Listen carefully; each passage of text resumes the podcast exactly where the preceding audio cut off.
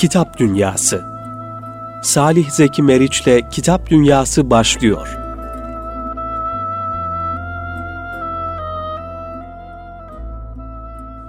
Kıymetli Erkam Radyosu dinleyenleri, hepinizi bir Kitap Dünyası programından tekrar saygıyla, sevgiyle selamlıyoruz efendim.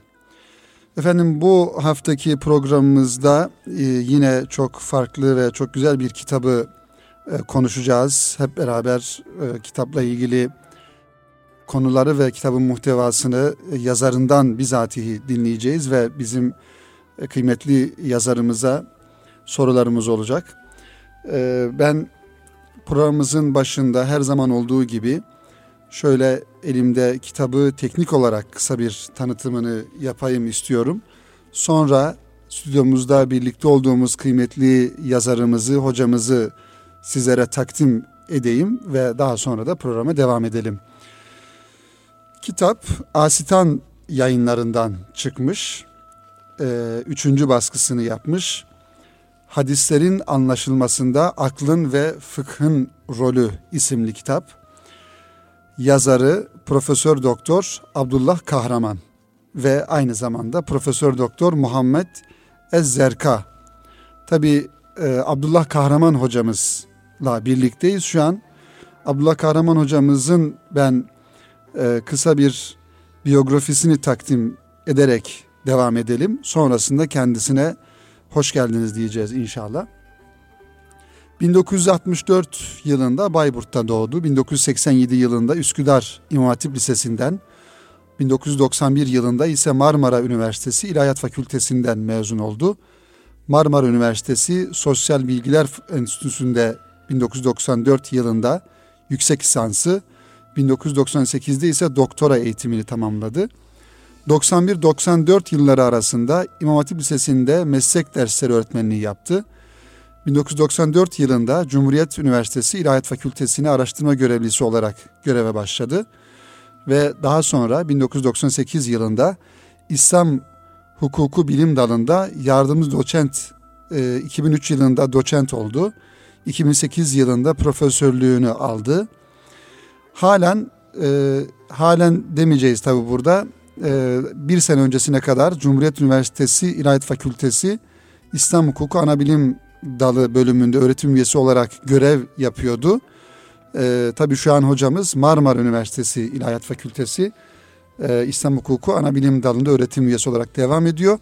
2004-2007 yılları arasında Azerbaycan Bakü Devlet Üniversitesi'nde misafir öğretim üyesi ve idareci olarak görev yaptı. Abdullah Kahraman hocamız Arapça ve İngilizce bilmektedir. Bu eser dışında daha önce yayınlanmış iki tercüme, üç telif e, eseri bulunmakta. Çok sayıda makalesi, ulusal ve uluslararası bildirisi ve yayına hazır telif ve tercüme eserleri ile makaleleri bulunmaktadır. Hocam hoş geldiniz. Teşekkür ederim. Şeref verdiniz Erkam Radyosu'na. İnşallah e, kıymetli dinleyenlerimizle birlikte sizin bu üçüncü baskısını yapan hadislerin anlaşılmasında aklın ve fıkhın rolü e, isimli eseriniz üzerine konuşacağız. Programımızda her zaman olduğu gibi hocam biz kitabın arka kapak yazısını takdim ediyoruz dinleyenlerimize. Sonrasında da kitabın tanıtımını size bırakıyoruz ve bizim sorularımız olmuş oluyor. Kıymetli dinleyenler kitabın arka kapak yazısı şu şekilde. İslam dininin doğru bir şekilde anlaşılması ve özellikle Hazreti Peygamber Aleyhisselam'ın uygulamalarıyla Kur'an'ın pratiğe nasıl yansıdığını öğrenmek için en önemli kaynağın hadis külliyatı olduğu açık bir gerçektir. Hadislerin doğru tespitinin dini bir zaruret olduğu genel kabul görmüş olmakla birlikte tespit için öngörülen kriterler farklılık arz etmektedir. Dini bir hükmü elde etmek için hadisin doğru tespiti ve onun sahih olarak nitelendirilmesi yeterli değildir. Sahihlik şartlarını taşıdığı için sahih kabul edilen bir hadisin doğru anlaşılması için de bazı esaslardan hareket edilmesi gerekmektedir. Çünkü aynı hadis farklı lafızlarla nakledilebildiği gibi değişik anlamlara da yorumlanabilmektedir. Elinizdeki eserde konuyla ilgili genel prensip mahiyeti taşıyan bir girişten sonra hadis temelli bazı meseleler örnek olarak ele alınmaktadır. diye bir arka kapak yazısı kaleme almışsınız kıymetli hocam. Evet ben e, sözü çok fazla uzatmadan e, sözü hocama vermek istiyorum. Hocam öncelikle e, kitabın kısa bir özetini yapalım isterseniz sizden dinleyelim. Ben şöyle kitabı size takdim edeyim. E, elinizde kitap olmakla birlikte kitabı bizimle şöyle bir paylaşın. Eyvallah. Ben e, Allah'a hamd, Peygamber sallallahu aleyhi ve selleme, Ali beytine salatü selam ederek sözlerime başlamak istiyorum. Değerli Erkam Radyomuzun dinleyicilerine programımızın ve yeni kurulan yayın hayatına yeni başlayan şey burnunda bu radyomuzun hayırlı olmasını, hayırlar getirmesini, hayırlara vesile olmasını her zaman istikamet üzere bir e, program ve yayın e, politikası takip etmesini Cenab-ı Hak'tan diliyorum. Yol kazalarına uğramasın. İnşallah efendim. İnşallah gönüllere inşirah, ferah. Sesi gür olsun efendim. Bütün dünyaya ulaşsın inşallah. Getirsin inşallah. E, bu temennilerle konuşmamıza, e, sohbetimize başlayalım. Buyurun. E, Salihciğim inşallah. Bu hadislerin anlaşılmasında aklın ve fıkhın rolü e, meselesi bu kitap iki bölümden meydana geliyor. Hı hı. Kitabın bir bölümü bana e, ait. Yani bu hadislerin özellikle fıkhi hadislerin ki Müslümanların hayatında fıkhi hadislerin çok büyük rolü vardır. Yani hüküm koyan hadisler. Bizim temizliğimizden, namazımızdan, orucumuzdan, haccımızdan, zekatımızdan, evlenmemizden, boşanmamıza kadar helal, haram noktasında nelere dikkat etmemiz gerekir, bütün bunlara kadar. Hı hı. Her şey ahkam hadisleriyle, fıkhi hadislerle ilgilidir. Dolayısıyla bunların doğru anlaşılması, doğru tespit edilmesi son derece önem arz etmektedir. Bu çağlar boyunca Müslüman alimleri meşgul etmiş bir problemdir, bir sorudur. Bunu merak edenlerden birisi de e, Suriyeli Hanefi alimlerden Mustafa Ahmet Ezzerka'dır. Hayatta mı hocam? Hayır. E, evet. Müteveffadır Biraz, kendileri. E, ben kısaca hayat hikayesini size evet. e, e özetleyeyim isterseniz. E, Profesör e, Mustafa Ahmet Ezzerka çağımızın İslam hukuku müelliflerinden. Baba tarafından Türk asıllı olup Suriye'de dini tahsil yanında hukuk tahsili de görmüş. Evet. Meşhur, müdekkik bir alimdir. İstikamet sahibi bir alimdir. Bir müddet Kahire ve Fransa'da öğrenim görmüş. Uzun süre Şam Hukuk Fakültesinde fıkıh dersleri, Eşşeria el İslamiye yani İslam hukuku dersleri ve e, vermiş ve hukuk fakültesinde de dekanlık yapmış. Bir süre Suriye hükümetinde Adalet ve Vakıflar Bakanlığı da yapmış. Evet. Böyle idari tecrübesi, engin tecrübesi olan bir zat. Suriye hükümetinin hazırlattığı çeşitli kanunların ilgili komisyonlarında görev almış. Ayrıca milletler arası hukuk toplantılarına da e, gitmiş, devletini temsil etmiş oralarda. Bağız idaresinin Suriye'de iş başına gelmesinden bir müddet sonra hmm. maalesef yani bu günler yine netameli günler Suriye yani, için. E, müellifin e, görevi ve yaşadığı dönem o zaman Bağız idaresinden önce, önce anlaşılan. Önce tabii ki. E, bundan e, sonra e, Kuveyt Vakıflar Bakanlığı'nın davet üzerine bu bakanlığın çıkardığı Mevsuatul Fıkhil İslami Mevsuatul Fıkhil İslami e, yanılmıyorsam 43 cilt olan bir ansiklopedinin e, hazırlık heyetinde yer almış. Ve burada komisyon başkanlığı yapmış. Ayrıca bu ansiklopedide maddeler yazmış. Uzun müddet devam eden bu görevinden ayrıldıktan sonra Ürdün Üniversitesi İlahiyat Fakültesi'nde öğretim üyeliğine başlamıştır. Bunlar yurt dışında bir anlamda yarı sürgün hayatı gibi görüyorsunuz. Bazı idaresiyle sonra tabii, tabii ayrılıyor. anlaşamamış. Hı hı. Yani niye anlaşamamış? Kan uyuşmazlığı sebebiyle, evet. e, zihin uyuşmazlığı sebebiyle dünya görüşü e, uyuşmazlığı sebebiyle onlarla anlaşamamış. Onun için de ilmi faaliyetlerini e, dışarıda geçirmiş. İslam Konferansı Teşkilatı'na bağlı İslam Hukuk Akademisi ile ya Mecmuul Fıkıh İslami'dir orijinal adı. Dünya İslam Birliği'ne bağlı İslam Hukuku Akademisi'nin de üyesidir kendisi. Ayrıca İslam Kalkınma Bankası'nın da İslam hukuku danışmanlarındandır. Zerkan'ın bu kitabı dışında vakıflar hakkında bir inceleme ile alım satım akdi ve sigorta akdi e, gibi kitapları vardır. Şerhu Kavaidil Fıkhiye adlı genel hukuk prensiplerini, İslam hukuk prensiplerini ele alan çalışmaları vardır. Böylece e, Zerka e, Arap dünyasında Müslüman e, Hanefi e, alimler içerisinde istikametiyle, dünya görüşüyle hakikaten gönüllerde yer etmiş bir e, müelliftir. Bu proje e, aslında onun projesidir. Evet. Kendisi e, böyle bir proje yapmış. Yani hadisleri biz nasıl anlayabiliriz? Hadisleri anlarken nelerden yararlanabiliriz? İki şey tespit etmiş. Birisi e, akıl, birisi de fıkıh. Bunların ışığı altında hadisleri anlamamız gerekir.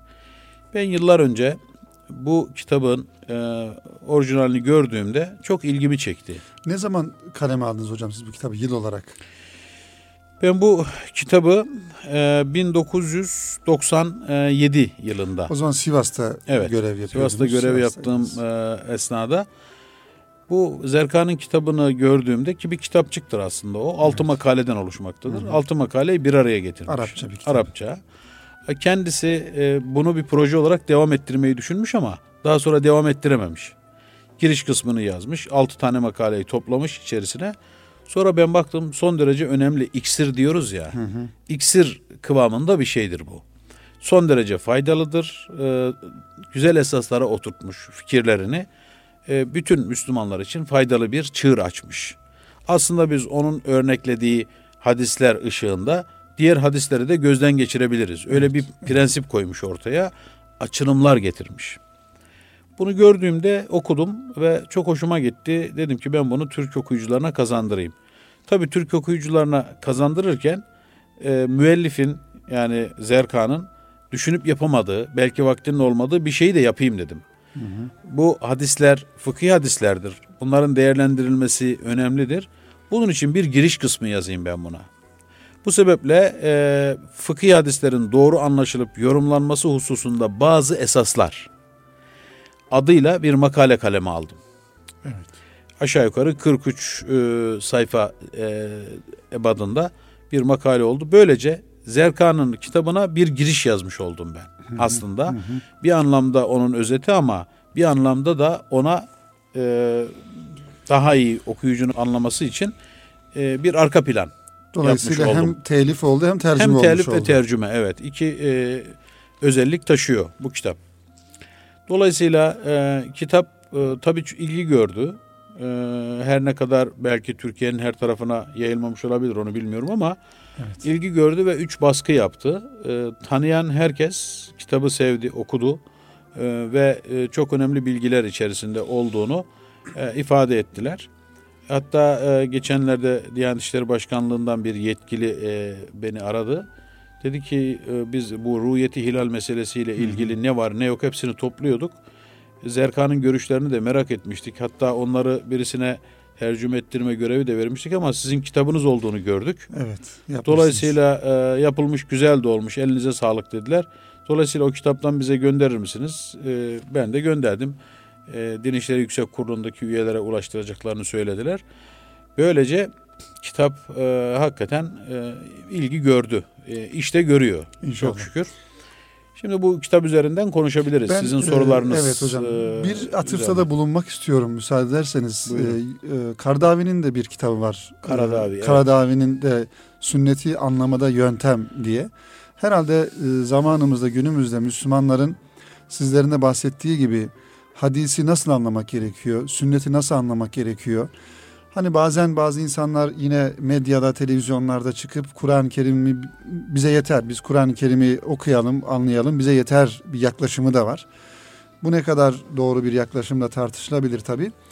Ee, isterseniz hocam benim hazırladığım birkaç soru var. Teknik olarak en azından e, kıymetli dinleyenlerimizi de bu manada bilgilendirme noktasında oradan giriş yapalım. Hem de kitabın e, muhtevasına da girmiş oluruz bu vesileyle.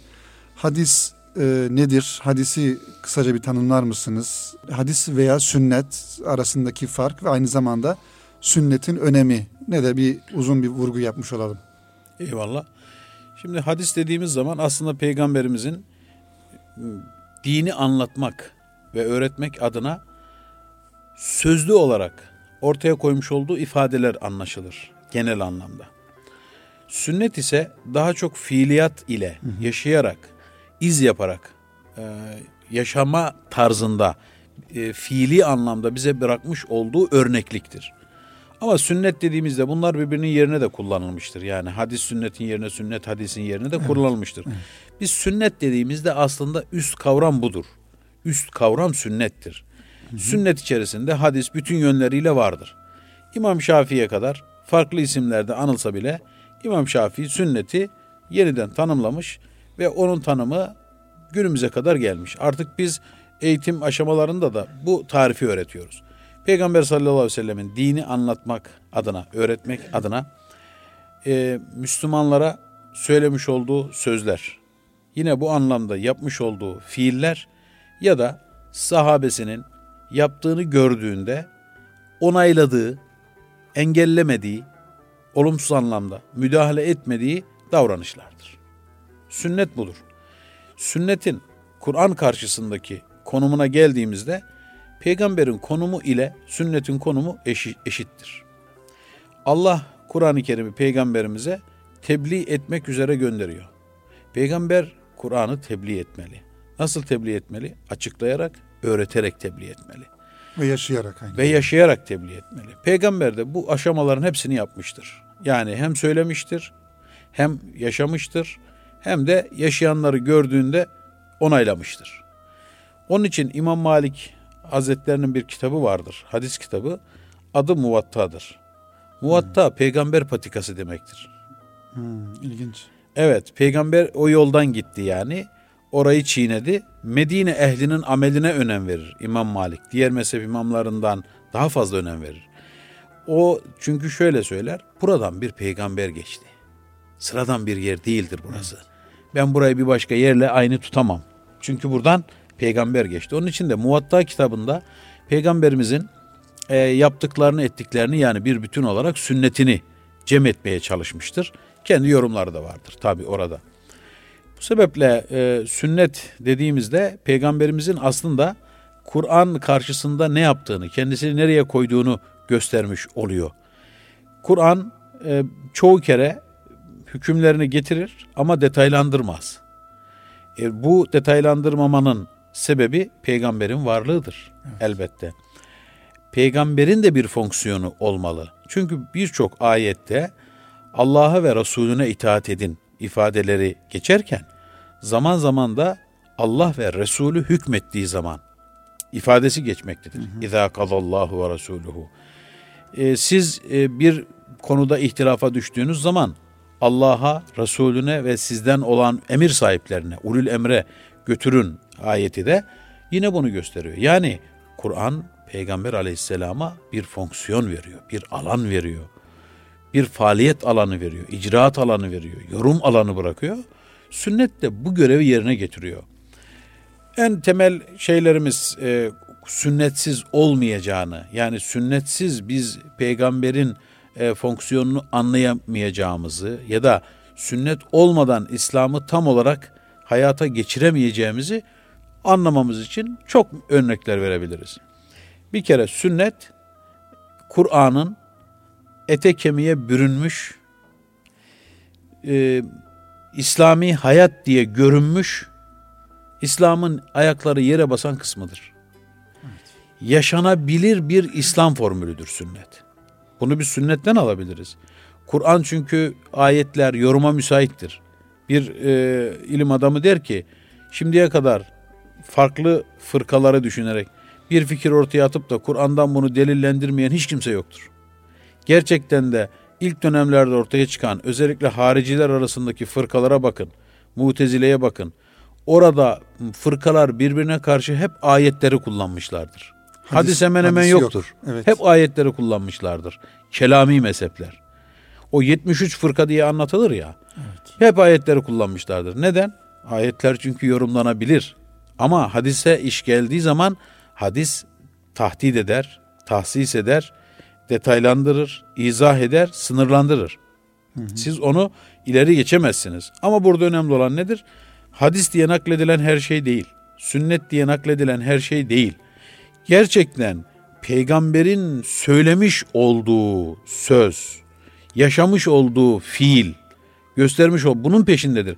Zaten bütün hadis faaliyetleri, hadisçilerin hayat boyu hayatlarını ortaya koydukları rıhle denen o kutlu, önemli, e, alın teriyle dolu olan, efendim e, saçları ağartan, belleri kamburlatan o yolculuklar peygamber hangisini söyledi? Bu sözlerden hangisi gerçekten peygambere aittir? Çabasını ortaya koymak için yapılmış şeylerdir. Şimdi e, çok erken zamanlarda ortaya çıkan bir şey var. E, Hicri birinci asrın sonlarına doğru. Şöyle bir söylem var. Bize Allah'ın kitabı yeter. Hadise gerek yok, sünnete gerek yok diye. Yani o düşünce o zaman da var, Tabii. şimdi de var. Tabii yani bu e, eksilmiyor. Yani sürekli devam ediyor. E, Ömer bin Abdülaziz e, Zühri olması lazım. Bu zatı muhterem vasıtasıyla peygamberin sünnetini cem etme işini merak etmiş ve ele almış. Bir faaliyet başlatmış. Aynı zamanda e, peygamberimizin hadislerini bilen sahabenin ileri gelenlerinden veya hadis bilgisi olduğu bilinenlere bir mektep açmış. Açık bir mektep yani. Halka açık. Siz burada oturacaksınız. Peygamberden bildiğiniz hadisleri insanlara anlatacaksınız. Gelen geçen ne kadar dinlerse dinlesin. Açık meydan yani böyle. Evet. Bir gün e, ben öyle tabir ediyorum. E, nöbet sırası sahabenin e, güzide sahabilerden İmran bin Husayn'a ait. Bu zat muhterem bana hep böyle çok sevimli gelir. E, Birçok yani bütün sahabiler sevimlidir. Ama bu bunlar biraz daha farklı böyle çağrışım yapar bende. Mesela Hazreti Enes'in çağrışımı farklıdır. Hı hı. İmran bin Husayn'ın çağrışımı farklıdır. Bu zattaymış sıra. Peygamberimizden çok fazla hadis rivayet eden birisi değil. Hani mukillun diyorlar. Az hadis rivayet edenlerden birisi. Oturmuş hadis anlatıyor. Peygamberimizden duyduklarını, tespit edebildiklerini anlatıyor. Birisi gelmiş.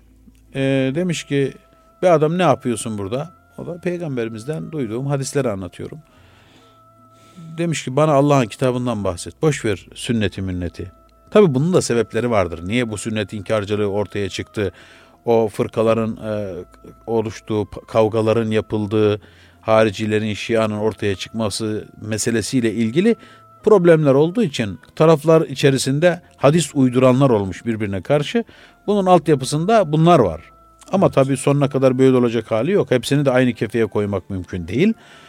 Bana Allah'ın kitabından bahset deyince e, demiş ki Allah'ın kitabı bana yeter diyorsun ama Allah'ın kitabı bütün hükümler için yeterli değil.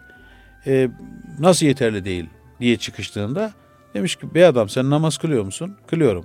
Kaç vakit kılıyorsun? Şu kadar vakit kılıyorum. Bana Kur'an'dan oku ayeti, vakitleri tam olarak söyle bakayım. Söyleyememiş. Kaç rekat kılıyorsun? Hiç yok zaten. Hı. Rekat sayısı. Yok. Ee, sen demiş e, zekat veriyor musun? Veriyorum. Ne hangi maldan ne kadar veriyorsun? Kur'an'a göre bana göster bunları. Yok. Hiçbiri yok. O zaman demiş ki yahu ben sana iyi ki rastladım yani. Rastlamasam yolumu kaybederdim. Diyor ki peygamberimiz bunu da bize söylemişti. Demişti ki bir keresinde ashabi ken nücumi bi eyyihim iktedeytüm ihtedeytüm. Ashabım yıldızlar gibidir. Hangisine uyarsanız yolun doğrusuna sizi götürecektir. Ve şunu da söylemişti peygamberimiz. Yakında ensesi kalın, göbeği şiş, koltuğuna yapışmış, e, yaslanmış birileri çıkacak. Diyecek ki bize Allah'ın kitabı yeter, peygamberin sünnetine gerek yoktur. Deyince adam irşad olmuş. Bu evet. İmran bin Husayn'ın ikazı üzerine. Bu sünnet inkarcıları tarihin her döneminde ortaya çıkmış yalnız.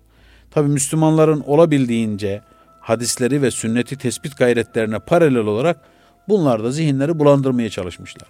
Bilmiyorum vaktimiz ne kadar bir şey daha anlatmak isterim. Var hocam birinci bölümün e, bitmesine beş dakikamız var anlatın sonra devam edelim inşallah. Şimdi e, Hindistan'da bir e, üniversite kurmuş Batılılar, müsteşrik diyoruz hani oryantalistler. Evet. Hı hı. Niyetleri orada e, sünnet kültürü iyidir. E, Hindistan, Hint alt kıtasında. Özellikle Hanefi e, şeyi de yaygındır. Mezhep olarak da yaygındır. Orada sünnet konusunda Müslümanların zihnini bulandırmayı hedeflemişler. Tabi oradan bir şey türemiş. Kur'an-ı Yun diye bir hareket türemiş. Mealciler gibi yani Türkiye'de Türkiye'deki. bir anlamda yansıması bu. Kur'an-ı Yun, Kur'ancılar. Bunların temel özelliği nedir? Temel özelliği o hicri ikinci asra yakın çıkanların özelliğiyle aynı. Diyorlar ki bize Allah'ın kitabı yeter, sünnete falan gerek yok. Hatta diyorlar ki sünnet e, de Kur'an yanında bir delildir diyen dinden çıkmıştır. Böyle inanıyorlar. Ve bunu planlayan müsteşrikler. Bir müsteşrik diyor ki bunların diyor zihnini sünnet konusunda o kadar iyi bulandırdık ki intihar etmemeleri için artık hiçbir sebep yok. Birbirlerine düştüler diyor. Bu hareketi kuran kimseler diyorlar ki sünnete gerek yoktur. Kur'an'la her şeyi hallederiz biz. Kur'an'la hallederiz. E, peki kaç rekat namaz var? Oradan başlıyorlar çünkü günlük en çok En tekrar çok ettiğimiz şey bu. olduğu tabii. E, kaç vakit namaz var? İlk grup diyor ki üç vakit namaz var. İkinci grup geliyor bunlardan sonra iki vakit namaz var. Üçüncü grup e, geliyor. Bunlar da diyor ki bir vakit namaz var. Öncekiler doğru anlamamış. Dördüncü bir grup geliyor. Çok enteresan. Onlar da diyor ki e, aslında bizim öncekilerimiz hiç anlamamışlar. Namaz denen şey geri kalmış ülkelerin ilerlemiş ülkeler huzurunda yalvarıp kredi istemesidir. Diz çöküp kredi istemesidir. Yani Kur'an'dan anlamaya çalışınca böyle oluyor. Buraya gidiyor. Şimdi bakın bugün bir maal yazıldı Türkiye'de. Bu mealde de aynı cümle tekrar ediyor. Ve akimus salah ayetlerinin tercümesinde e, iktisaden kalkınmadır diyor namaz denen şey. Allah ilginç. Evet bak o Kur'an-ı Yun hareketiyle bugünkü arasındaki paralelliğe bakın, benzerliğe bakın. Şimdi bunlar e, diyorlar ki peki bu namazları biz böyle hallediyoruz da bu buraya gelmeden yani bu dördüncü aşamaya rekatları ne yapacağız? Rekatlar nasıl olacak? Sünneti koymuyoruz e, işin içerisine. Şey rekatları biz Kur'an'dan bulabiliriz. Fatır suresinin başında bir ayet var. Melekler e, gökyüzüne tek kanatlı, iki kanatlı, üç kanatlı olarak çıkarlar. Melekleri anlatıyor. Oradan hareketle diyorlar ki işte bazı namazlar bir rekat, bazıları iki rekat, bazıları üç rekat. yani peygamberimiz sünnetinde diyor ki sallu kema raitumuni usalli. Ben nasıl namaz kılıyorsam bana bakın. Siz de öyle kılın. Siz bunu bırakıyorsunuz sünnete inanmamak adına. Bunu bırakıyorsunuz gidiyorsunuz meleklerin kanatlarıyla nerelere doğru gidiyorsunuz. İşte bunlar sakat yaklaşımlar. Müslüman zihnini parçalamak, yok etmek, Ki müsteşriklerin de yapmak istediği Yapmak zaten istediği bu. bu. yani. Yapmak O istediği yapmak bu. Çünkü müsteşrikleri en çok rahatsız eden Müslümanların önünde peygamber gibi bir rol modelin olmasıdır. Evet. Ondan rahatsız oluyorlar. Çünkü eğer peygamber durursa şeriat duracak. Şeriat duracak. Şeriat varsa Müslümanların elinde ölçü var demektir. Çünkü şeriat suyun kaynağı demektir. O kaynaktan Müslümanlar su içmeye devam ettiği sürece onlara başka su vermeleri mümkün değil. Kendi ürettikleri suyu içirmeleri mümkün değil. Çünkü onların suyu var. Bu ne demek? Sünnet hayat tarzı demek diyoruz ya. Hayat tarzımız elimizde var olduğu sürece başka bir hayat tarzına bizi alıştırmaları mümkün değil. Onun için de mümkün olduğu kadar e, sünneti devreden çıkarmak. Sonra Kur'an'a zaten sıra geldi. Bir batılı da çıktı, birçok batılı. Montgomery Watt da olmak üzere vahyi buharlaştırmaya çalıştı. Vahyi karartmaya çalıştı. Dolayısıyla amaç doğru değil, niyet doğru değil. Evet. Müslümanlar da bilimsellik adına e, zaman zaman bunlara kanıyorlar maalesef. Kendi ayaklarımız üzerine durmayı bilmediğimiz için, kendi dinamiklerimizle düşünmeye alışmadığımız için, kendi standartlarımızı oluşturamadığımız için başkalarının standartlarıyla düşünmeye başlıyoruz. Ama onların ajandası var. Onların hedefi var. Planlı çalışıyor. Planlı çalışıyorlar. Biz tak diye bir yere düşmüş oluyoruz. Öyle hocam. O zaman hocam şu anlaşılıyor işte hakikaten tabii ki bütün kitaplar çok önemli. Bütün kitaplar çok önemli ama sizin böyle kaleme almış olduğunuz meselenin çok daha böyle derinden çözecek ve e, istikamet gösterebilecek kitapların e, ehemmiyeti burada ortaya çıkıyor. Evet. Kaldı ki yani Müslümanlar olarak sünneti e, detaylarıyla bilmenin ve Peygamber Efendimizin hayatını en güzel şekilde öğrenmenin de önemi de ortaya çıkmış oluyor. Sohbetimiz e, böyle çok zaman hızlı geçti hocam. Biz e, bir solukta programımızın birinci bölümünün sonuna gelmiş olduk. Henüz evet. daha kitabın da muhtevasına giremedik ama Gireriz, e, inşallah, inşallah ikinci bölümde e, devam ederiz. Kıymetli dinleyenler e, misafirimiz Marmara Üniversitesi İlahiyat Fakültesi e, İslam Hukuku Ana Bilim Dalı öğretim üyesi Profesör Doktor Abdullah Kahraman hocamız hadislerin anlaşılmasında aklın ve fıkhın rolü isimli eserini konuşuyoruz. İkinci bölümde tekrar buluşmayı ümit ediyoruz efendim.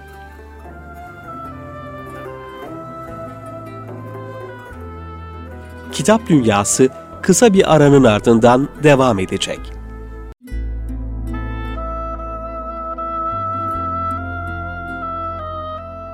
Erkam Radyo'da Salih Zeki Meriç'le Kitap Dünyası devam ediyor.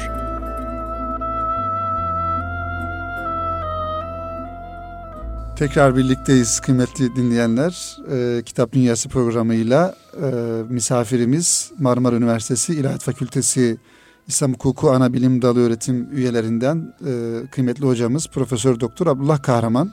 Hadislerin anlaşılmasında aklın ve fıkhın rolü kitabını konuşuyoruz beraber. Birinci bölümde e, biraz daha tanımlar ve e, müelliflerle ilgili aynı zamanda sünnetin önemi, e, bu manada müsteşriklerin yapmak istedikleri, Müslümanların arasındaki tefrikaları daha da derinleştirmek için yapmak istedikleri planlardan kısaca hocamız bahsetmiş oldu. E, ben şöyle hocam bir soruyla devam edelim. E, dilerseniz bir teknik bir soru belki kıymetli dinleyenlerimize merak ediyorlardır. Bir hadisi şerifin Efendimiz'den gelen bir hadisi şerifin günümüze kadar gelmesi malum belli bir usulü, belli bir yolu var. İşte Efendimizin Femi Muhsinlerinden çıkan o güzel sözün günümüze kadar gelmesi bir teknik olarak nasıl? Bunu bir kısa anlatırsanız eğer. Peygamber sallallahu aleyhi ve sellemin hadislerinin e, bize geliş yolları farklı. Bazı hadisler var. Hanefi taksimine göre söyleyelim. Daha teknik bir ayrımdır Hanefilerinki. Tevatür yoluyla gelenler var. Yani artık dost düşman herkes bunu biliyor ki bu Müslümanların bildiği, uyguladığı, inandığı bir şeydir. Bunu da peygamber söylemiştir. Peygamberden öğrenmişlerdir. Mesela beş vakit namazın nasıl kılındığına dair hadisler ve uygulamalar tevatürle sabittir. Evet. Bunu artık Müslümanlar bildiği gibi Müslüman olmayanlar da biliyor ki artık bunlar namazı böyle kılar veya Müslümanlar şöyle şöyle hareket yapıyorsa bunun adı namazdır. Tevatür yani göre göre e, bir Müslüman yani çoğunluğun yani göre göre çoğunluğun. Kaynağı itibariyle evet. de bir aynı anda oluşumu çok kişi görmüş yalan üzere birleşmeleri aklen mümkün olmayacak derecede büyük bir çoğunluk tarafından ittifak ettiği. ittifak edilmiş, görülmüş. E, ondan sonra da sonraki nesillere nakledilmiş olan bilgiler.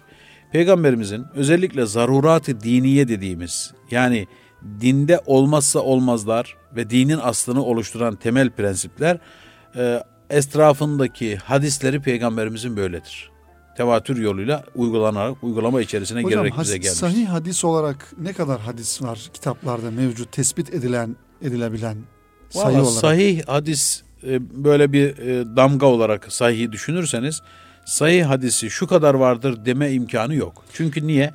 Bir hadisin sahihliğinin değerlendirme kriterleri hı hı. hadisçilere göre değişiyor. Değişiyor. Birinin sahih dediğine diğeri sahih demeyebiliyor. Onun için e, o konuda bir sayı vermek mümkün değil. Veya mevcut hadisler diyelim işte kütübü sitte olarak bildiğimiz kitaplarda kütübü ya da sitte e, şöyle de bir şey var bizde yani hep biz kütübü sitte veya kütübü tis'a diye Öyle biliyoruz, öğreniyoruz evet. biliyoruz ama aslında sahih hadisler kütübü sitteden veya tis'adan ibaret değil. Evet. Bizim mütedavil olmayan elimizde kullanmadığımız kaynaklar var. Taberani'nin e, mucemleri var mesela. Onlar Abdurrezzak'ın musannefi var. İbn Ebi Şeybe'nin musannefi var. Hı hı. İbn Hibban'ın sahihi var. Bunlar da sahih hadisler içeren kitaplar. Ama biz hep kütübü e, sitte olarak, kütübü tis'a olarak alışmışız. Ondan dolayı sadece onlarda aramak doğru değil bunları. Böyle çok geniş bir yelpaze içerisine dağıldığı içinde ve değerlendirmeler farklı olduğu için de şu kadar hadis sahihtir üzerinde ittifak Değildir. edilmiştir Hı hı. deme imkanımız maalesef yok. Evet. Ee, tabii hocam Ha, siz Tevatür Evet. yoluyla geliyor bir kısmı. Hı hı.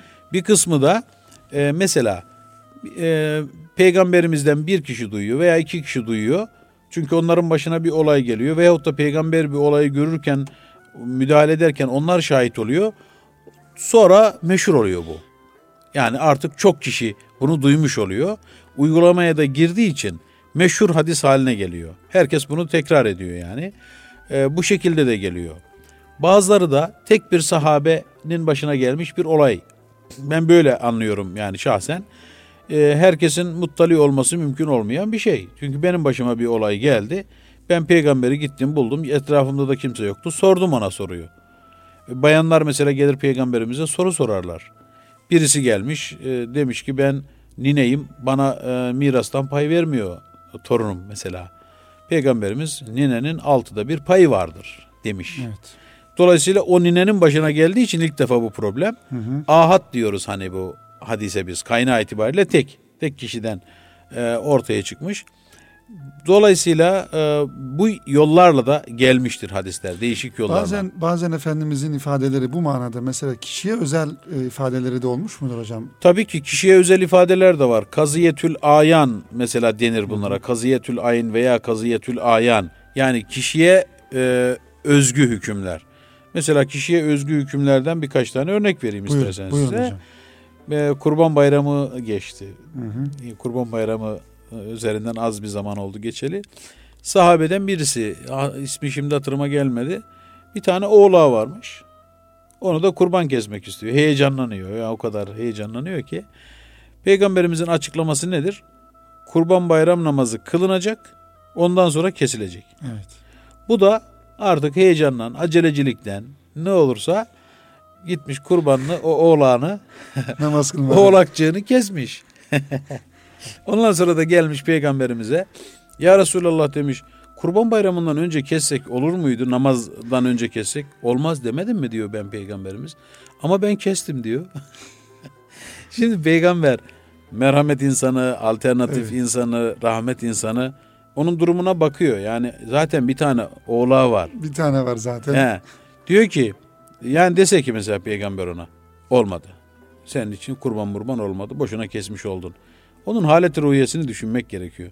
Peygamberimiz onun niyetine ve heyecanına bakarak diyor ki senin için oldu ama senden sonra kimse için olmaz. Zaten kimse yapmayacak bir daha. Evet. Ve bu da peygamberi bir yaklaşım aslında. Dolayısıyla o mutlu olmuş oluyor. Şimdi ona özel bu hüküm. Ee, efendim Huzeyme'nin şehadeti vardır mesela. Evet hocam dinleyelim onu da. Huzeyme'nin şehadeti peygamberimiz Yahudinin birisiyle bir alışveriş yapmış. Ee, bir zırh rehin bırakmış peygamberimiz ona. Daha sonra borcunu ödemiş. Ee, aralarında bir münakaşa çıkmış. Peygamberimiz diyor ki ben borcumu ödedim size. Yahudi di- diyor ki ödemedin. Oradan e, geçen ve olaya şahit olan Huzeyme diyor ki peygamber sana borcunu ödemiştir ben şahidim diyor. Tabi bunun üzerine e, peygamberimiz ona diyor ki hey Huzeyme ben ödediğimde sen yanımda yoktun. Nereden biliyorsun da şahitlik yapıyorsun? Diyor ki sen Allah'ın Resulüsün. Sen yalan söylemezsin. Sen yalan söylemediğin için, sadık olduğun için, sıddık olduğun için biz sana inandık. Sen borcunu ödedim diyorsan ödemişsindir. Benim onu görmeme falan Dolaylı gerek yok. yapıyor yani. Evet. Onun üzerine peygamberimiz o kadar mutlu oluyor ki diyor ki bundan sonra Huzeyme kime şahitlik yaparsa bunun şahitliği iki şahit yerine geçerlidir. İman bu kadar kuvvetlidir. Ama Huzeyme Ve- için geçerli bu. Bu Huzeyme için geçerli. Diyorlar ki hakikaten niye Huzeyme için geçerli bu? Hani çok doğru, çok dürüst Ebu Bekir Sıddık da var. Onun için de geçerli olsun. Hazreti Ömer için de geçerli. Onlar da yalan söylemiyor. Olsun. Hayır, ilklik meselesi var. Bu Allah'ın bir lütfuydu. Evet. Allah o ikramı Huzeyme radıyallahu anh'a nasip etti. İlklik yani. O yakaladı bu şeyi. Dolayısıyla kaziyetül aynıdır mesela bunlar. Şahsa özel, durumlar, evet. istisnai durumlar. Başkasına etki etmez. Biraz tabii hocam e, hadis sohbeti oldu bundan da memnunuz ama tabii sizin alanınız aslında fıkıh, İslam hukukçusu olmanız hasebiyle. Fıkıh hadisten ayrı değildir. E, değil ben işte o manada bir soru soracağım. Yani Efendimizin fıkıhla ilgili hadisleri genel hadis külliyatı e, içerisinde ya da genel hadisler içerisinde ne kadar yer tutuyor ya da e, hepsi şüphesiz çok önemli. Bütün hadis-i şeriflerin hepsi çok önemli ama e, malum fıkıh İslam'da Müslümanların hayatını, günlük hayatını, muamelatını düzenleyen, bizim bütün hayatımızı düzenleyen bir yönü var fıkhın. Yani fıkıh olmasa biz namaz nasıl e, kılacağız? Namazın şartlarıdır, rekatlarıdır, e, farzıdır, sünnetidir. Bunları bir fıkıhtan öğreniyoruz. Tabii. Dolayısıyla fıkıhla ilgili hadisi şerifleri Efendimiz mesela nasıl sahabilerine bildiriyor? Yine böyle bir hadise mi yaşanıyor yoksa e, ve ayrıca ayrıca sorunun devamı e, hadis külliyat içerisinde fık, fıkıhla ilgili hadislerin yeri ne kadar? Bir kere fıkıh dediğimiz şey Müslümanların yaşam tarzı, evet. hayatı. Hayat olduğu için e, peygamber sadece fakih değil. Ama peygamberin fıkıhçı yönü baskın. Yani onun tasarrufları var. Devlet başkanı yönüyle tasarrufları var. Mahkeme kadısı, hakim rolü var. Aile reisi rolü var. Bir irşatçı rolü var. Ahlak adamı rolü var. Bütün bunlar var. Peygamberimizin günlük hayat, hukuki hayat, iktisadi hayat, sosyal hayatla ilgili, siyasi hayatla ilgili ortaya koymuş olduğu bütün tasarruflarda fıkıh hadisleri var. Sayı vermek mümkün değil demin söylediğim gibi. Hı hı. Hani biz hep sayı istiyoruz. Çünkü peygamberimiz bunları bir klasörün içerisine koymadı ki. Alın size şu yani. kadar ahkam hadisi. Hani 500 tane ahkam hadisinden bahsediyorlar. Fakat ne 500 tane ahkam ayeti olur ne 500 tane ahkam hadisi olur. Bu değerlendirenin değerlendirmesine göre değişir. Bir hadisin ahkam içerip içermediği, tamamen ahlaki gibi görünen, tamamen sosyal içerikli gibi gözüken, psikolojik gibi gözüken hadisler içerisinde de ahkam hadisi olma olanlar vardır. Ayetlerde de böyledir. Dolayısıyla peygamberimizin söylediklerinin içerisinde bir Müslümanın günlük hayatında kendisine lazım olan, ömrü boyunca kendisine lazım olabilecek kadar hadisler, bazen birebir yaşanan olaylarla ilgili, kendi dönemi itibariyle, bazen de mana olarak, amaç olarak, ilke olarak Peygamberimiz bunları ortaya koymuştur. Bazıları çok genel kapsamlıdır. Mesela Peygamberimizin ameller niyetlere göredir. Bu bir hadistir. Evet. İnnemel amalu bin niyat. Şimdi siz bundan ne kadar hüküm çıkarabilirsiniz? Sözleşmelerden tutun da kişiler arasındaki sözleşmelerden, devletler arası sözleşmelere varıncaya kadar bir zekat verirken niyetinizi ne bileyim hacca giderken niyetinizi kontrol etmek adına oruç tutarken, nafile oruç tutarken her şey niyetinize bakacaksınız önce. Ne niyetle yapıyorsunuz? İnsanları kandırabilirsiniz. Ama niyet Allah'la ilgilidir. Allah'la kişi arasındadır. Evet. Onun için Peygamberimiz onu tam olması gereken noktaya bağlamış. Ameller niyetlere göredir. Yapmaya göre değildir. Niyete göredir. Niyeti kim bilir? Allah. Allah için yaptıysan zaten Allah biliyor onu Allah için yaptığını. Yapmadıysan da biliyor. Bu genel prensiptir. Bir başka prensip peygamberimizin la darara ve la dırara mesela. Zarar yoktur. Zarara zararla karşılık vermek de yoktur. Zarara hmm. tahammül etmek de yoktur. Sen ne zarar verebilirsin ne de zararı zararla yok edebilirsin. Ne de bana birisi zarar verdi çekeyim sineme e, diyebilirsin. Hakkın neyse ha, vazgeçebilirsin o ayrı bir şey. Ama hakkını arama e, yetkin vardır. Hakkın vardır yani hakkını ararsın. Bütün bunlar Peygamberimizin fıkıh alanında bazen özel, bazen genel prensipler şeklinde ortaya koymuş olduğu hadislerdir. Hazreti Ayşe annemizin bu manada herhalde burada e, zikretmeden geçmemek gerekiyor. Evet, Hazreti Ayşe annemiz evet, evet, evet. yani fıkıhla ilgili Efendimizin hadis-i şeriflerini rivayet eden. Yani günümüze kadar gelen bu manadaki hadislerde Hazreti Ayşe annemizin rolü nedir? Ona da kısa bir değinelim hocam. Yani şimdi e, tabii bu soruyu nereden sordun? Sorularımız içinde yoktu ama iyi yoktu. oldu sordun. E, bir, böyle zuhurat bir oldu. zuhurat oldu. E, radıyallahu anha. Evet. Bütün e, müminlerin annelerine ve özellikle Hazreti Ayşe annemize selam olsun, salat evet, olsun. İnşallah. E, benim çok sevdiğim bir isimdir. E, Ayşe ismi. Biliyorsun e, yurt dışında kalmıştık. Evet. Orada Ayşe ismini pek duyamamıştık. Evet. Kaldığımız Azerbaycan'da ülkede, yoktu. Evet. E, pek duyamamıştık. İki tane Ayşe ismine Ömer ismi de çok yok Azerbaycan'da. Evet. İki Ayşe'ye rastladım. İkisini de ödüllendirdim. Evet. Çünkü bende Hazreti Ayşe'ye karşı büyük bir muhabbet var hasreten. Sonra şöyle düşünmüştüm. Hazreti Ayşe acaba biz müminlerin annesi olduğu için mi bunu hani çok alimedir, çok fakihedir, e, çok e, büyük özellikleri vardır. Acaba duygusal bir şey midir bu yoksa gerçekten e, realite midir? Bunu araştırdım. Sonra bir yazı yazdım. E, fıkıhçı kadınların öncüsü Hazreti Ayşe diye. Evet. Bu yazı e, güzel bir yazı oldu hakikaten. E, Diyanet, e, Diyanet İşleri Başkanlığı ilmi dergide yayınlandı. İnşallah. Her dönem ilgili, öğrencilerime- ilgili dinleyenlerimiz ulaşabilirler İnşallah internet internetten ulaşabilirler. E, şimdi bu yazıda Hazreti Ayşe'nin bütün yönleriyle ben inceleme imkanı elde ettim. Hazreti Ayşe ilmi anlamda bir gerçeklikmiş hakikaten. Çünkü hakikaten bir ilim hanımı Hazreti Ayşe. Bir kere Hazreti Ebubekir'in kızı. Bir kere çok genç, Evet. çok zeki. Peygamberin evinde yetişmiş. Ya, Dolayısıyla bütün kaynaklardan istifade etmiş. Yani onun yapmış olduğu bal hakikaten e, çiçeklerin ta bir de bütün kendisinden hadiselere derler. şahit olmuş aynı zamanda. Hadiselere şahit olmuş. Hadisler konusunda bir özelliği var. Fıkıhçı olarak da özelliği var. İki tane şey söyleyeyim size. Buyurun. Şimdi birisinde sahabe hadis naklediyor. Hazreti Ayşe karşı çıkıyor. 53 tane hadis e, hatırlıyorum. Yani Hazreti Ayşe düzeltiyor. Sahabe naklediyor. Bir keresinde e, diyorlar ki dinleyicilerimiz e, bağışlasın. Peygamberden naklediyorlar. Diyorlar ki namaz kılanın önünden eşek, köpek ve kadın geçerse namaz bozulur. Böyle Hazreti- hadis söylüyorlar yani. Tabi Buhari'de geçiyor üstelik yani bu hadis. Hazreti Ayşe buna itiraz ediyor. Diyor ki bunu nakleden sahabeye. Yanlış anlamışsınız ya yazıklar olsun size. Bizi eşeklerle köpeklerle aynı safa koydunuz. Hiç peygamber böyle bir şey söyler mi? Diyor. Peygamber böyle söylemedi bunu. Siz bunu yanlış anladınız diyor.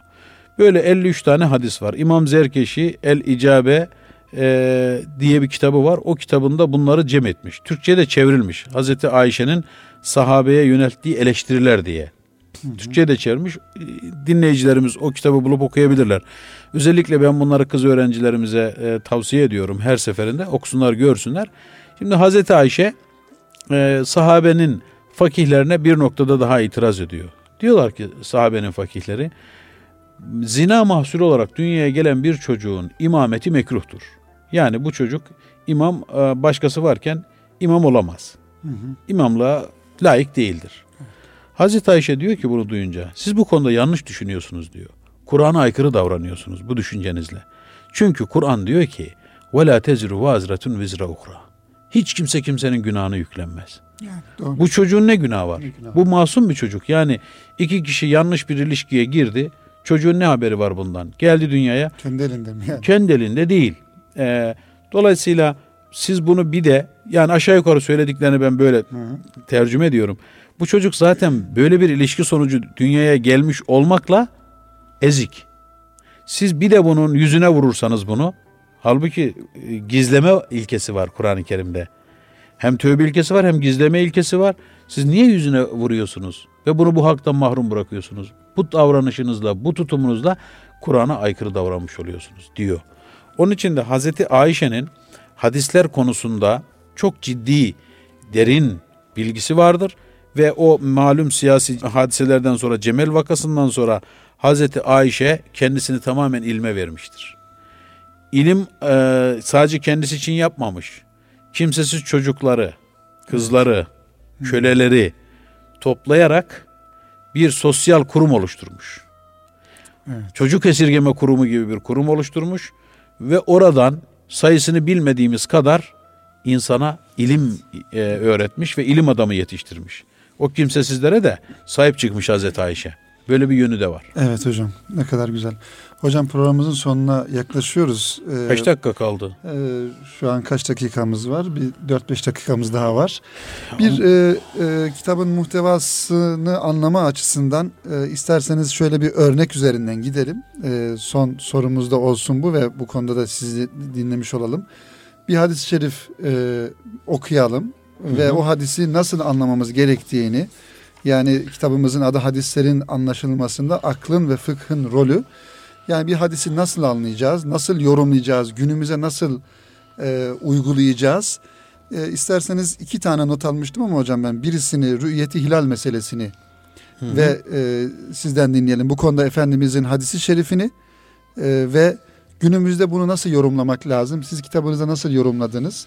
Bu bir örnek olmuş olsun. Böylelikle programımızı bitirmiş olalım inşallah. Tamam ben kısaca şöyle başlıkları da söylemiş olayım. Olur hocam. Bir kere buyurun. hadisleri biz doğru anlayabilmemiz için şu maddelere dikkat etmemiz lazım. Bunların Buyurun. hep örnekleri vardı ama belki bir dahaki e, bir başka program yaparız, İnşallah. içine gireriz biraz. İnşallah. Hadislerin söyleniş sebeplerini araştırmamız gerekiyor. Aynı konudaki hadisleri bütünlük içerisinde değerlendirmemiz gerekiyor. Üst üste koyarak görünüşte birbirine zıt olan hadisleri değerlendirmemiz gerekiyor. Hadislerde kastedilen mana, amaç, ilke ve hedefleri iyi belirlememiz gerekiyor. Hadisin metnini tahlil etmemiz gerekiyor. Hemen böyle okuduk, okuyup yola çıkmak doğru değil hadislerde. Onun bu metni tahlil etmek için bir kere şu ögeler çok önemlidir. Metnin dili, metnin görünmeyen ögeleri vardır. Metnin arka planı vardır. Metnin ait olduğu sosyal bünye vardır. Metnin ait olduğu tarihi çevre vardır. Kısa bir şey. Mesela peygamberimizden naklediliyor. İkindi vakti uyuyanın rızkı kesilir. Onun için rahmetli anam mesela benim Hatip'ten gelirdim. Uyurdum yorgun olduğum için. Beni uyandırırdı. İki vakit arasında uyunmaz, e, rızkın kesilir, şöyle olur, böyle olur diye. Sonra ben araştırdım bunu. Baktım ki peygamberimizden böyle bir şey naklediliyor ama sebebi farklı. Çünkü orada sıcak bölge olduğu için insanlar öğlen uyus- uykusuna yatıyorlar biliyorsunuz. Evet. Onu, Kaylule yapıyorlar. Evet, evet. Çünkü pazarda kimse yok ki o saatte. Pazar ne zaman canlanıyor? İkindiden sonra canlanıyor. Siz orada uyursanız gerçekten rızkınız kesilir. Rızkınız Pazardan kesilir. nasibiniz kalmaz. İşte biz bunu mutlak olarak hadis alıp arka planını, ne için söylendiğini, hangi ortamda söylendiğini bilmediğimizde peygamberi de yanlış anlamış oluruz. Peygamberimiz diyor ki bir hadisinde sizden hiçbirisi suyunu başkasının tarlasına akıtmasın diyor. Bir sahabi de tarlasını sularken bahçesini su artıyor tabii. Kuyudan çektiği su. Ee, öyle gayret gösteriyor ki kanter içerisinde kalmış. Ba- e, kardeşimin diye. bahçesine akmasın diye. Onu gören bir başka sahabe diyor ki ne yapıyorsun sen? Diyor böyle böyle peygamberimiz dedi ki siz kimse su- suyunu başkasının tarlasına akıtmasın. Hay Allah iyiliğini versin diyor. Peygamberimiz edep insanı bazı şeyleri üstü kapalı olarak söylüyor. Demek istiyor ki hiç kimse başkasının hanımıyla zina yapmasın. Allah Allah. Bunu söylemek istiyor diyor. Sen ne yapıyorsun? Suya engel olabilir misin? İşte hadisleri doğru anlamanın ne kadar önemli olduğu, arka planı, çevreyi bilmenin Söyleniş sebebi. ne kadar elbette önemli, ondan tabii. sonra peygamberi yanlış anlamış oluyoruz. Ee, rivayetlerin efendim akla arzı çok önemli. Peygamber fatin insan değil mi? Fetanet peygamberin Fetanet özelliği sahibi, değil mi? evet. Akla aykırı bir şey peygamber niye söylesin? Peygamberin söylediğini şeylerde bazen aklın kavrayamadığı, aklı aşan hakikatler olabilir. Ama akıl dışı değildir onlar. Dolayısıyla rivayetlerin genel kurallara, İslam'ın getirmiş olduğu genel kurallara da aykırı olmaması gerekiyor. Şimdi fıtır sadakası örneğini verelim. Evet Bir, hocam. onunla bitirelim. Fıtır sadakası konusunda peygamberimiz diyor ki e, Hocam yok fıtır sadakası değil. Ben e, Şey mi? rüyeti hilal Rüyeti hilal, söyledik. Ha, rüyeti hilal, meselesi. hilal konusunda hep tartıştığımız bir meseledir. Peygamberimiz diyor ki e, hilali gördüğünüz zaman oruca başlayın. Hilali gördüğünüz zaman bayram edin. Ramazan ayı değil ama yine Evet. de dinleyenlerimizin bilgisi olsun. Ramazan'da Olsun. bu konolar çok e, Olsun bu gündeme- hep her zaman her zaman tartışılan bir lazım olan mesele. bir bilgi. Şimdi e, peygamberimiz bunu söylüyor. Bunun yanında bir şey daha söylüyor. Dedik ya hadisleri üst üste koyacağız. Aynı konudaki hadisleri beraber değerlendireceğiz. Yoksa yanlış yaparız. E, işte film bir ayağını tutarak tarif edersek ne tarif ederiz? Yanlış. Onun için de peygamberimizin bu hadislerin bir hadisi daha var. Diyor ki biz ümmi bir topluluğuz. Hesap, kitap bilmeyiz, matematik bilmeyiz diyor. O zaman ikisini beraber değerlendirdiğimizde eğer siz hilal denen o Allah'ın alametini e, gözünüzle görebiliyorsanız zaten problem yok. Ama göremiyorsanız hesap da bir alternatiftir. Ona da riayet etmeniz gerekir. Şimdi Müslümanlar tarih içerisinde hesap konusuna çok fazla riayet etmemişler. Neden? Çünkü hesap bugünkü gibi dakik değil bir. İkincisi bu hesabı yapanlar müneccim denen astrologlar.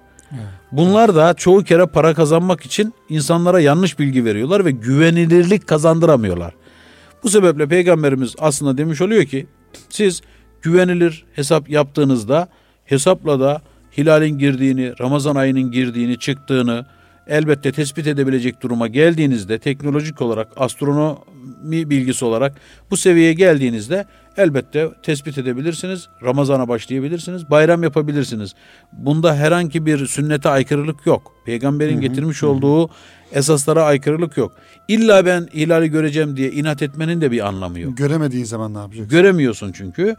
E, ondan sonra böyle bunda ısrar ederseniz Müslüman dünyasını paramparça ederseniz işte birileri e, bayram yaparken öbürleri Yani. oruca devam eder. E, bir türlü ağız tadıyla bayram Günümüzde olmaz. olduğu gibi maalesef. Maalesef yani insanların ağzının tadını kaçırıyorlar. İşin içerisine siyaset de sokuyorlar. Evet. Maalesef uluslararası başka Yani ben- şeyler de Benim giriyor. dediğim olacak, senin dediğin olacak Tabii, tabii. gibi. Yani o da Evet. maalesef hocam. Böyle bir örnekle hocam programımızı sonlandırmış Eyvallah. olduk. Ee, çok teşekkür ediyoruz bizi kırmayıp buraya geldiğiniz ve e, kıymetli bilgileri bizimle paylaştığınız için.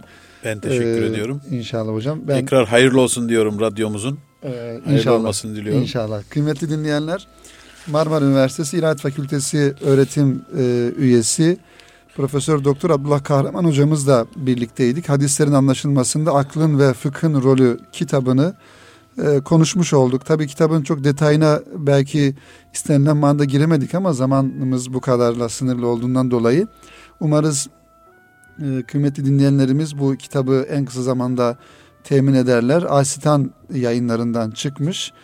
Ee, zamanımızda hocam kitap elde etmek çok zor değil. İstenilen Değil. şekilde, istenilen yerde, internetten, farklı şekillerde e, kitap elde edilebilir. Ee, inşallah e, istifade etmiş oluruz. Hepinize hayırlı günler, hayırlı akşamlar diliyoruz kıymetli dinleyenler. Tekrar bir Kitap Dünyası programında buluşmayı ümit ediyoruz efendim.